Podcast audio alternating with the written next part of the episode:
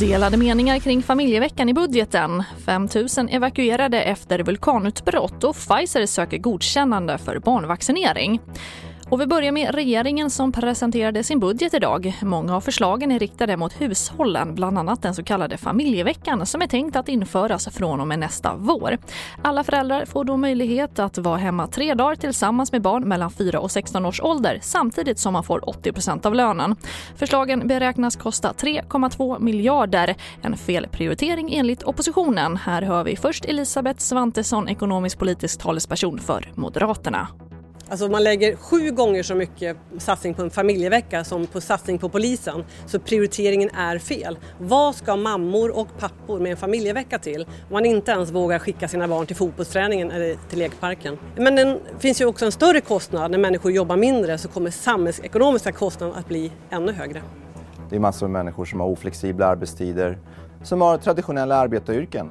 Eh, och då behöver man ha rätt till ledighet när barnen är lediga från skolan, när man behöver följa med eh, till skolan när de har utvecklingssamtal.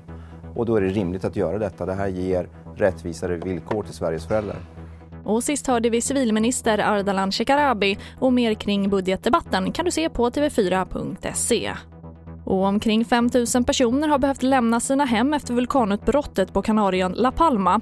Vulkanens utbrott startade vid 15-tiden igår och lavan har runnit ner mot byar i närheten.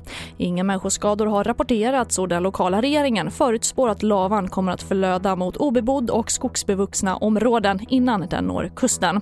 Det senaste utbrottet på La Palma skedde 1971 och pågick i tre dagar.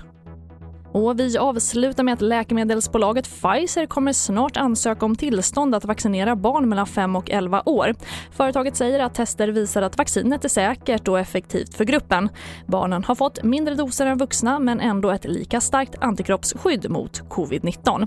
Och det får avsluta den här sändningen och fler nyheter det hittar du alltid i vår app TV4 Nyheterna. Jag heter Charlotte Hemgren.